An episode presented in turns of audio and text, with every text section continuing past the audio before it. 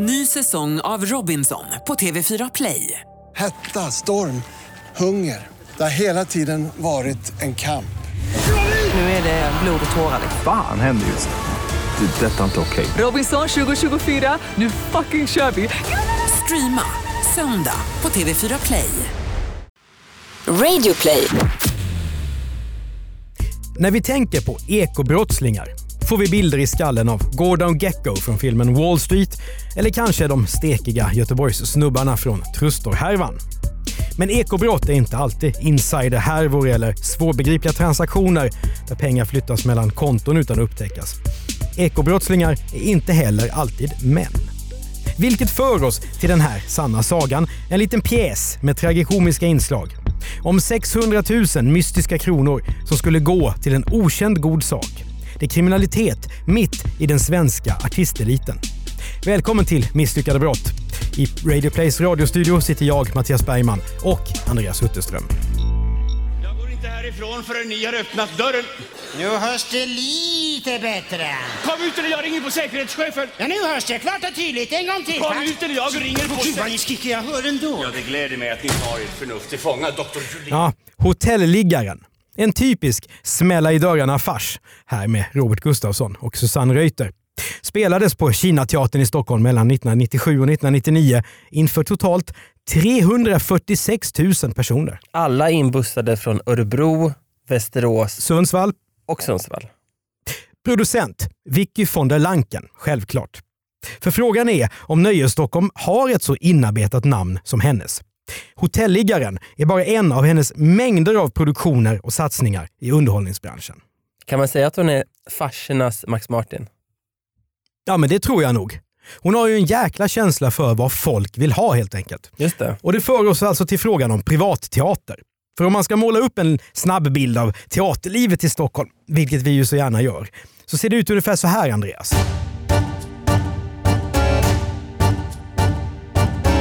Vi har Dramaten, Stadsteatern, de stora elefanterna som får skattestöd. Och det gör ju att vi kan hitta billiga biljetter där. I alla fall om vi kan tänka oss sitta bakom pelare. Sen har vi de alternativa, som kanske är din favorit. Galeasen, Teater 3, fria grupper där sådana som Mikael Persbrandt har börjat en gång i sin karriär. Det är ju experimentella pjäser där när man kastar blod och skit på varandra. Leif André tror jag Mm. har hållit på mycket med sånt. Han har väldigt eh, alternativ teater-aura. Ja, men det har han. Det har han.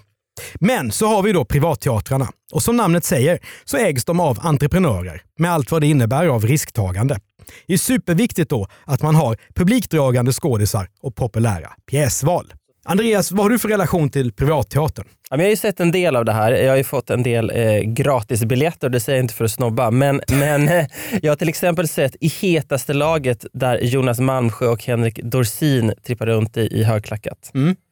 Det är ju, man måste köpa in på konceptet. Det är ju lite som musikal, att eh, sitter man och stretar emot då ger det ingenting. Men om man så att säga, sänker ribban och bara tar det för vad det är så kan det ju vara riktigt underhållande. Ja, man måste öppna sitt hjärta kan man säga. Och släppa sin Stockholms snobbism. Absolut, vilket väl är bra för oss alla ibland. Men hur som helst, i privatteaterkategorin så har vi en mästare. Både på att ta hand om och vårda artisterna och att ha känsla för vad folk vill ha. Och det är då Vicky von der Lanken. Vicky hette från början Lillemor Lindberg och föddes i Huskvarna 1942. Hon kommer inte alls ur någon teatersläkt utan har gått den långa vägen. Vicky har jobbat hela sitt liv med våra mest färgstarka, skickliga, folkkära och skandalomsusade sångare och skådespelare. Tänk, Andreas, om vi hade Vicky här och fick höra vad hon inte kan berätta i intervjuer om vad hon har varit med om. Ja, det skulle kunna bli, eh, det skulle bara vara ja, snusk och fusk tror jag. Vad har hänt i teaterlogerna? Hur är det med artisternas känsliga själsliv? Hur bråkar de på repetitionerna? Och hur ser festerna ut efter föreställningarna? Det kommer dock inte att hända och särskilt inte efter det här avsnittet av Misslyckade brott. Men hur som helst. Redan som ung på 60-talet så blev Vicky bokare på Yrkestrubadurernas förening, YFO.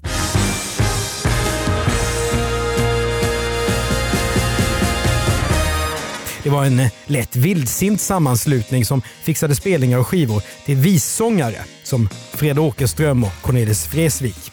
Den tidens skandalartister. Och så här berättar kollegan Finn Zetterholm om Vicky i podden Snedtänkt. Hon drog in så fruktansvärt mycket pengar så hon tjänade ju mer än de som tjänar bäst av oss, alltså Cornelis och där. Så, så, och jag tjänade också mycket pengar på den tiden, för hade så mycket spelningar då.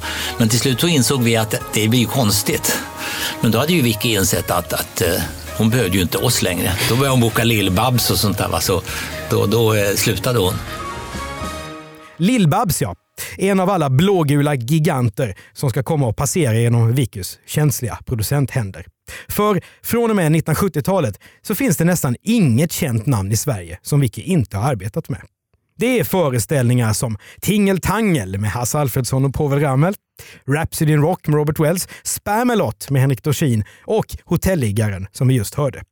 Vicky var tidig att se Robert Gustafssons talang och såg till att Björn Skifs fick bära kvinnokläder i hetaste laget. Den som du har sett Andreas, fast med Dorsin. Just det. Trots att det känns motstridigt när man kan se och höra henne när hon har en proper sympatisk framtoning som en typisk 40-talistdam så har hon faktiskt till och med producerat Killinggänget. Jag har varit med varje sommar men eh, vi har haft ett eh, annat bolag som har varannan sommar drivit. Men jag tror att jag ska försöka att få prya som hovmästare eller hovmästarinna. Det tycker jag är jätte jätteroligt att visa till bordet och rekommendera något och eh, busa lite och göra något fel någon gång. Och då hör man hur hon låter. Så här låter Vicky von der Lanken idag. Men nu ska vi ta oss tillbaka till september 1998. Vicky är en hårt arbetande legendar. Även om svenskarna nog inte ens skulle känna igen henne på stan.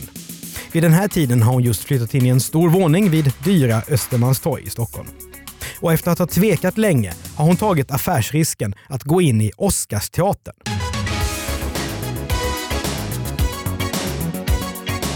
Där spelas publikfavoriter som My Fair Lady och Guys and Dolls. Senare ska Vicky beskriva 1998 som ett mycket bra år. Man kan fråga sig varför. För just på hösten 1998 så ska Vicky von der Lanken begå ett stort misstag som leder till de enda skandalrubrikerna kring henne i hela hennes karriär. Ett misslyckat brott som än idag kommer högt upp när man googlar hennes namn och som är riktigt gåtfullt. Som en av våra största nöjesentreprenörer är Vicky såklart van att driva bolag. Vid den här tiden sysselsätter hon ungefär 80 personer. Det ska tingsrätten senare lyfta fram. Men av någon anledning så behöver Vicky pengar. Cash helt enkelt. Och I det här läget så kan hon göra ett löneuttag ur bolaget, precis som alla företag gör till sina anställda. Då betalar företagaren Vicky arbetsgivaravgift och den anställda Vicky får lön och står för inkomstskatten. För så är det för många svenska företagare som har aktiebolag. Man är både VD och anställd av sig själv. Vicky skulle också kunna ge sig själv en extra utdelning ur bolagets kista om företaget går bra alltså. Men Vicky, hon finner en annan lösning på sitt kontantproblem. Hon tar ut 600 000 kronor ur sitt företag, Vicky Nöjesproduktion AB. Pengarna sätter hon in på sitt privatkonto i Handelsbanken. Men i företagets bokföring så sätter hon upp summan som en kostnad. Skälet att göra så är att slippa skatt. Så får man alltså, och det ska vi snart lära oss mer om, inte alls göra. Det är inte bara brottsligt, utan riktigt dumt. För om Vicky nu behöver pengar. Apropå eh, pengar Mattias, vi måste tänka på vår egen inkomst också. Och Oh, hur ja. gör man, förutom att swisha pengar direkt till dig, kan vi också bidra till vår inkomst genom att köpa Misslyckade brott-boken. Ja, vad glada vi blir då. Då kan man, den kan man läsa mer om på misslyckadebrott.se, man kan köpa den på alla de stora nätbokhandlarna och förhoppningsvis också på någon fysisk bokhandel i, i närheten. Mm. Och det är ju helt enkelt våra elva är det va? Mm. Eh, favoritfall kan man säga eh, från podden som är samlad i bokform. Och det som är kul där är att man kan använda roliga bilder. Eh, vi har hittat gamla tidningsklipp på Mille Markovic, eh, skandal eh, eh gangstern som, som eh, frotterade sig med kungen och det finns eh, roliga löpsedlar och eh, annat kul. Just det. Och så slipper man höra mig. För det gör man ju inte när man lyssnar på, på podden. Som nu till exempel. För om Vicky nu behöver pengar där vi ju är, och det är så pass mycket som 600 000 kronor, så skulle hon ändå utan problem kunna gå till banken och låna. Hon är en framgångsrik och betrodd företagare. Men så gör hon alltså inte. Kanske spelade in det som hon har berättat att vid just den här tiden har hon redan pansat sin lägenhet i samband med att hon har gått in som ägare i Oscarsteatern. Vicky har ju också ett imponerande nätverk av vänner och arbetskamrater som skulle kunna hjälpa henne med ett lån. Även om konstnärer sägs vara fattiga så hade de ju kunnat sala ihop till 600 000 spänn. Lyssna bara här på vilket stall som Vicky sitter på. Bengt Bauler, Matti Berenett, Lars-Erik Berenett, Kjella Bie, Ulf Brunnberg, Dan Ekborg, Jakob Eklund, Lina Englund, Stig Engström, Katarina Ewerlöf, Cecilia Frode, Robert Gustafsson, Peter Haber, Harald Hamrell, Lena T. Hansson, Peter Harrison, Ingvar Hirdwall, Jonas Inde, Carl Källgren, Maria Kulle, Sofia Källgren, Carina Lidbom, Marika Lindström, Mona Malm, Petra Nielsen, Stefan Novotny, Mikael Persbrandt, Alexander Rappaport, Johan Rheborg, Vanna Rosenberg, Gunilla Röd. och mannen som är med i alla farsor där man smäller i dörrarna, Kim Sulocki. Och det här är faktiskt bara ett urval. Ny säsong av Robinson på TV4 Play. Hetta, storm, hunger. Det har hela tiden varit en kamp. Nu är det blod och tårar. Fan händer just det. Det är detta inte okej. Robinson 2024, nu fucking kör vi! Streama söndag på TV4 Play. Ett poddtips från Podplay. I fallen jag aldrig glömmer djupdyker Hasse Aro i arbetet bakom några av Sveriges mest uppseendeväckande brottsutredningar. Går vi in med hemlig telefonavlyssning och, och då upplever vi att vi får en total förändring av hans beteende. Vad är det som händer nu? Vem är det som läcker? Och så säger han att jag är kriminell, jag har varit kriminell i hela mitt liv men att mörda ett barn, där går min gräns. Nya säsongen av Fallen jag aldrig glömmer på Podplay. Men nu ska en annan stjärna också ta plats i vår historia. Skattmasen. En person som till exempel på en privatteaterscen skulle beskrivas som en noggrann och lite petimätrig typ. Kanske i illasittande kostym och attachéväska. Sannolikt med glasögon tjocka som flaskbottnar. Inte så socialt kompetent eller kul på fester, men nitisk och van att se fel där andra missar. Lite, vad heter han nu i Solsidan? Henrik Dorsins Ove. Ove. Ja. Se ut som Ove men var, var, eh, ja, men var som Ove tror jag. Fa- Fast, inte, fast inte prata. Typ. Och nu kan det vara så att väldigt många eh, anställda vid Skattemyndigheten vill mejla oss och berätta om hur de egentligen är. Det kan man göra till misslyckadebrott.bplus.se. Nu vet vi ju inte om det är så här som medarbetarna på Skattemyndigheten i Stockholm är just 1998. Men vi vet att de är noggranna. För när Vicky von der Lanken, enligt reglerna, lämnar in sin skattedeklaration för september månad 1998, då fastnar hon i kontrollanternas nät. På kontot 4010 i hennes bokföring, där alla kostnader för projekt och fakturor finns, där står det en post på 600 000 kronor. Men i kontoutdraget för Vickys privata konto så kommer den där summan igen. VD Vicky har givit den anställda Vicky en summa pengar som är aktningsvärd och oåtkomligt hög för de flesta svenskar. När den anställda Vicky då landar sin deklaration så visar det sig att hon inte har tagit upp de här 600 000 kronorna som lön.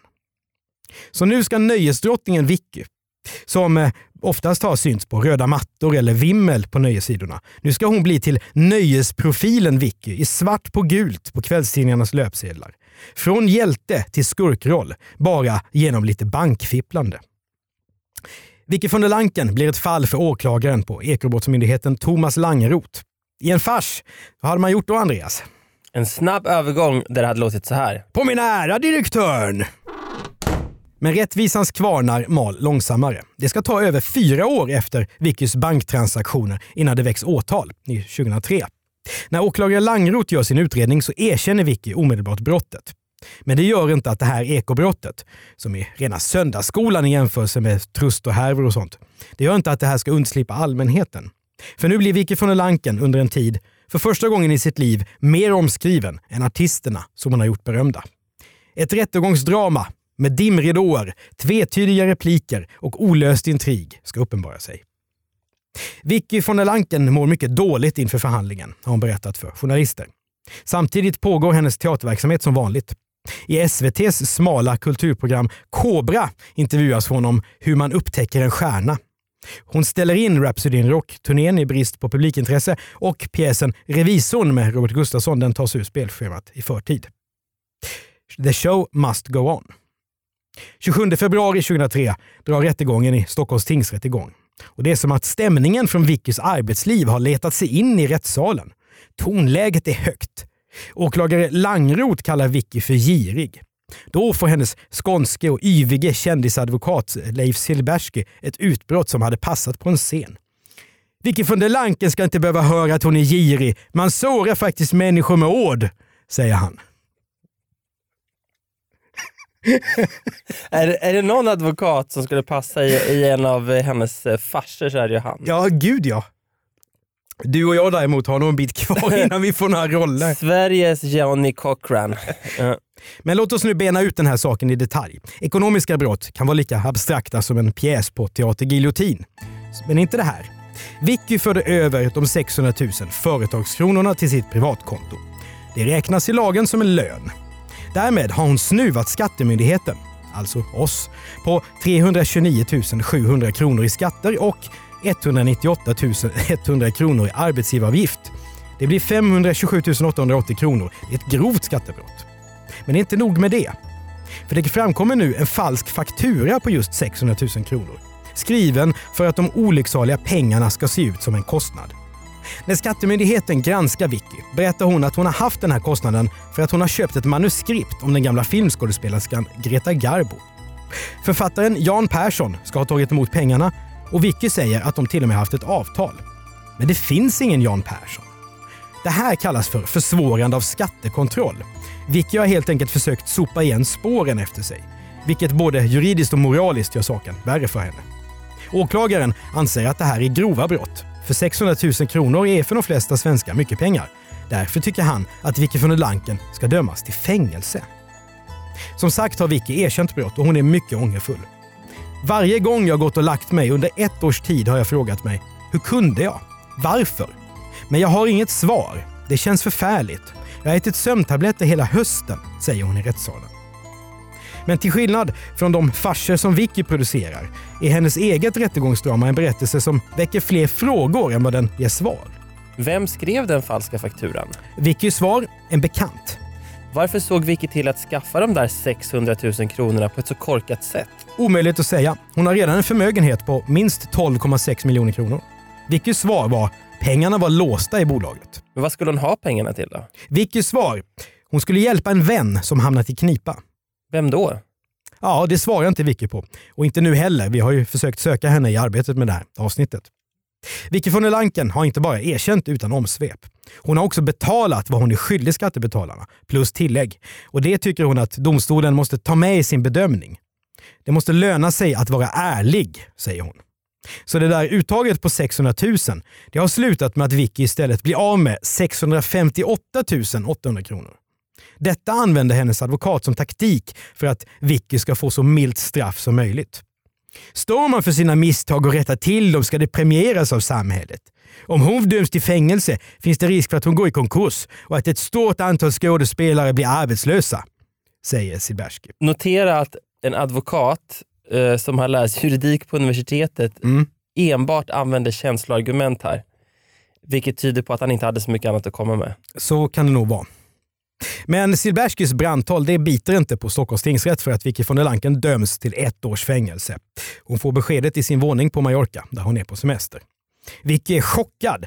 Det säger hon till alla journalister som bevakar domen. Och nu kommer ju då 80 personer att drabbas. För ingen Vicky von der Lanken betyder inget nöjesliv.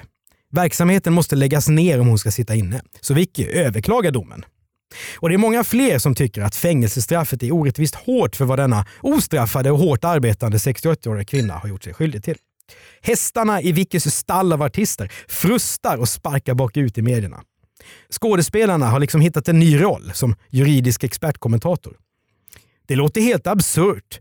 Min tro på henne påverkas inte av detta, inte det minsta. Det säger skådespelaren Johan Ulveson till Aftonbladet. Och eh, den ibland lite hetsige Jan Malmsjö skräder inte orden. När man ser att Vicky von der Lanken ska behöva få åtta månaders fängelse, då förstår man inte lagen längre. Hon har ju betalat tillbaka allting. Hon kunde gott fått samhällstjänst, säger Malmsjö. När eh, Björn Skifs ska välja ut en julklapp i en enkätfråga så säger han att han vill ge Vicky en villkorlig dom. Till och med Vickys konkurrent, den legendariska nöjesarrangören Hasse Wallman, säger att han är ledsen för Vickys skull och att domen är hård. Det intressanta här är att precis eh, under den här tiden då jobbade jag med ett satirprogram i TV3 som hette God afton Sverige som Mhm. var TV3s variant av Detta har hänt. Mm. Ett slags försök att göra påhittade nyheter på ett roligt sätt. Det var populärt på den tiden med Det var program. väldigt populärt, det gick inte så bra för mig som manusförfattare men det var en rolig erfarenhet och där fanns alltså Peter Magnusson, David Helenius, Henrik Hjält, Mikael Tornving. Det är alla personer som gärna vill framstå som att de inte räds någonting. Men var det någon av de här som vågade delta i en sketch där man gjorde sig lustig över Vicky von der Lanken? Nej, det är för att de visste att det kunde vara dåligt för, fin, för sin försörjning i framtiden. Så det visar liksom vilka, vilken stor makt hon har. Ja, det har hon. Ja, Och så det är också därför vi berättar det här. Absolut, så det, så det blev ingen eh, sketch om henne alternativt att det gjordes något eh, telegram eller någonting men ingen av de där fyra vågade. Där ser man.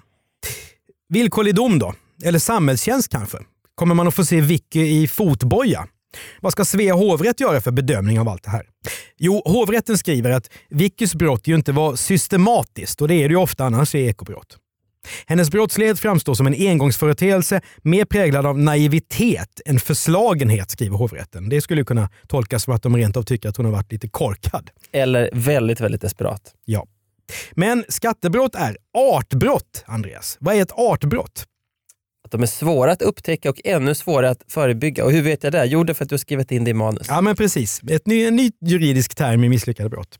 För artbrott så ska man utdöma fängelsestraff enligt svensk lag och praxis. Så hovrätten de putsar lite på fängelsedomen, men Vicky döms ändå att sitta inne i åtta månader. Hon sitter av sitt straff på Sagsjöanstalten söder om Göteborg. Det är en anstalt för kvinnor med totalt 34 fångar. Den är nästan nyöppnad när Vicky håller till där. Och den har låg säkerhetsklass. Det är mycket långt från Kumla, Hall eller Tidaholm. Eller i hennes fall då eh, Hinseberg. Hinseberg utanför eh, Frövi. Det vill säga, det är lätt att rymma för den som vill. Men den som försöker med något sånt kommer att flyttas till en anstalt med hårdare tag. Och Vicky, hon rymmer inte heller. Det här är faktiskt inte första gången som Vicky von der Lanken spenderar tid bakom murarna, även om hon är ostraffad. Hon berättar för Expressen att hon faktiskt en gång har gjort en teateruppsättning i det gamla fängelset på Långholmen i Stockholm. Men att hon redan då kände att det inte var något för henne att sitta inne. Även om Vicky aldrig har beskrivit de fem månaderna hon sitter på Sagsjö som lyckliga direkt, så låter de intensiva och långt mer sociala än vad fängelsevistelser brukar vara här i Misslyckade brott. Mängder av kollegor och artistvänner besöker henne. Så här berättar hon själv i Sveriges Radios Sommar i P1 2011. Jag fick fem månader på den öppna anstalten Sagsjön. 2000 uppmuntrande brev, 1200 vykort till stöd och massa besök. Men vad händer då med Vickys företagande under den här tiden? Ja, trots att Leif Silbersky har sagt att det kommer gå i putten fullständigt så fortsätter Vicky Nöjesproduktion AB sitt intensiva arbete med att roa svenskarna. Och eh, bolaget verkar vidare allt sedan dess. Firman har nu skrivit avtal med Kinateatern som faktiskt löper fram till att Vicky ska fylla 89 år. Efter avtjänat straff har hon aldrig dömts för några nya brott. Blev du en bättre människa av straffet? Frågar Fokus reporter Staffan Heimersson i en intervju många år senare. Min självkänsla växte. Jag fick tid och därigenom jämvikt mellan självkänsla och självförtroende, svarar Vicky. Mattias, du som älskar att läsa självhjälpsböcker eh, av, av Eckart Tolle, Mia Törnblom och andra. Eh, Kan du översätta vad det här menar att hon hittar jämvikt mellan självkänsla och självförtroende? Ja, jag har en lösning på det, men hennes tolkning kan jag inte Nej. säga något om. Men vad menar hon då? För mig, jag kan ha självförtroende i mitt yrke. Men självkänsla handlar mer om hur jag uppfattar mig min person. Så trygghet? Ja, trygghet och, och ehm, skillnaden mellan att vara uppskattad som kollega och uppskattad som människa. Lite så. Vicky, mejla misslyckadebrott.bplus.se så att vi kan reda ut detta. Ja, kanske har Vickys inre förändrats av den här händelsen. Men i våra huvuden, Andreas, så hörs ju bara en fråga nu. Varför begick hon detta komplett misslyckade och nästan banalt utförda brott? Det är ett mysterium som Vicky von der Lanken lär ta med sig i graven. Du har hört ett avsnitt av Misslyckade brott. Jag heter Mattias Bergman och podden görs tillsammans med Andreas Utterström. Exekutiv producent är Jonas Lindskog. Och vill du höra mer av oss så lyssna på vår spin-off-podd som heter Misslyckade makthavare där vi berättar om den här typen av brott fast i politikens värld. Och om du inte får nog av oss trots att du lyssnar på två poddar om misslyckade brott så finns det också en bok som heter såklart Misslyckade brott som du kan läsa mer om på misslyckadebrott.se. Prenumerera gärna på den här podden och betygsätt den i iTunes så är det fler som hittar dit. Och mejla gärna fall som du tycker vi borde berätta om till misslyckadebrott@bplus.se. Det var så många gånger har vi inte sagt misslyckade brott på kort tid som här i alla fall. Nej. Nu, nu, nu är det pluggat ordentligt. Det funkar ju på slutet. Mm. Om vi hade varit såna mitt i så hade det blivit hemskt.